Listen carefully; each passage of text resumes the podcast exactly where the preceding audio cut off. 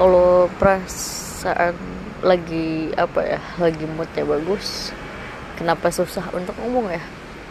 Kecuali kalau emang lagi down lagi apa lagi pengen menyendiri gitu lagi ya ah capek gue jalanin hidup itu itu selalu terlontar kata-kata yang yang yang yang lumayan apa harus disakitin dulu? gitu ya. Baru kita bisa berimajinasi yang banyak tapi ada bagusnya juga. Karena itu bisa menjadi pelajaran buat kita. Biar lebih baik lagi ke depannya. Biar kita tahu mana yang baik mana yang buruk. Biar kita bisa milah-milah juga. Dan apa ya makasih banget sih buat orang yang yang ada di kehidupan gue yang udah apa ya yang udah temenin gue sih.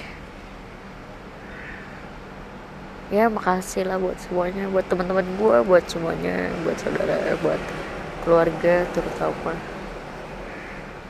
sebajingan bajingannya gue. Ya gue harus tetap lah hormatin mereka. Gue tuh buruk guys gue apa ya? Ya manusia gak ada yang sempurna lah. Ada sisi gelapnya dan ada sisi terangnya. Entah kenapa gue juga nggak ngerti lebih banyak mana sisi gue ini. Ya gimana ya?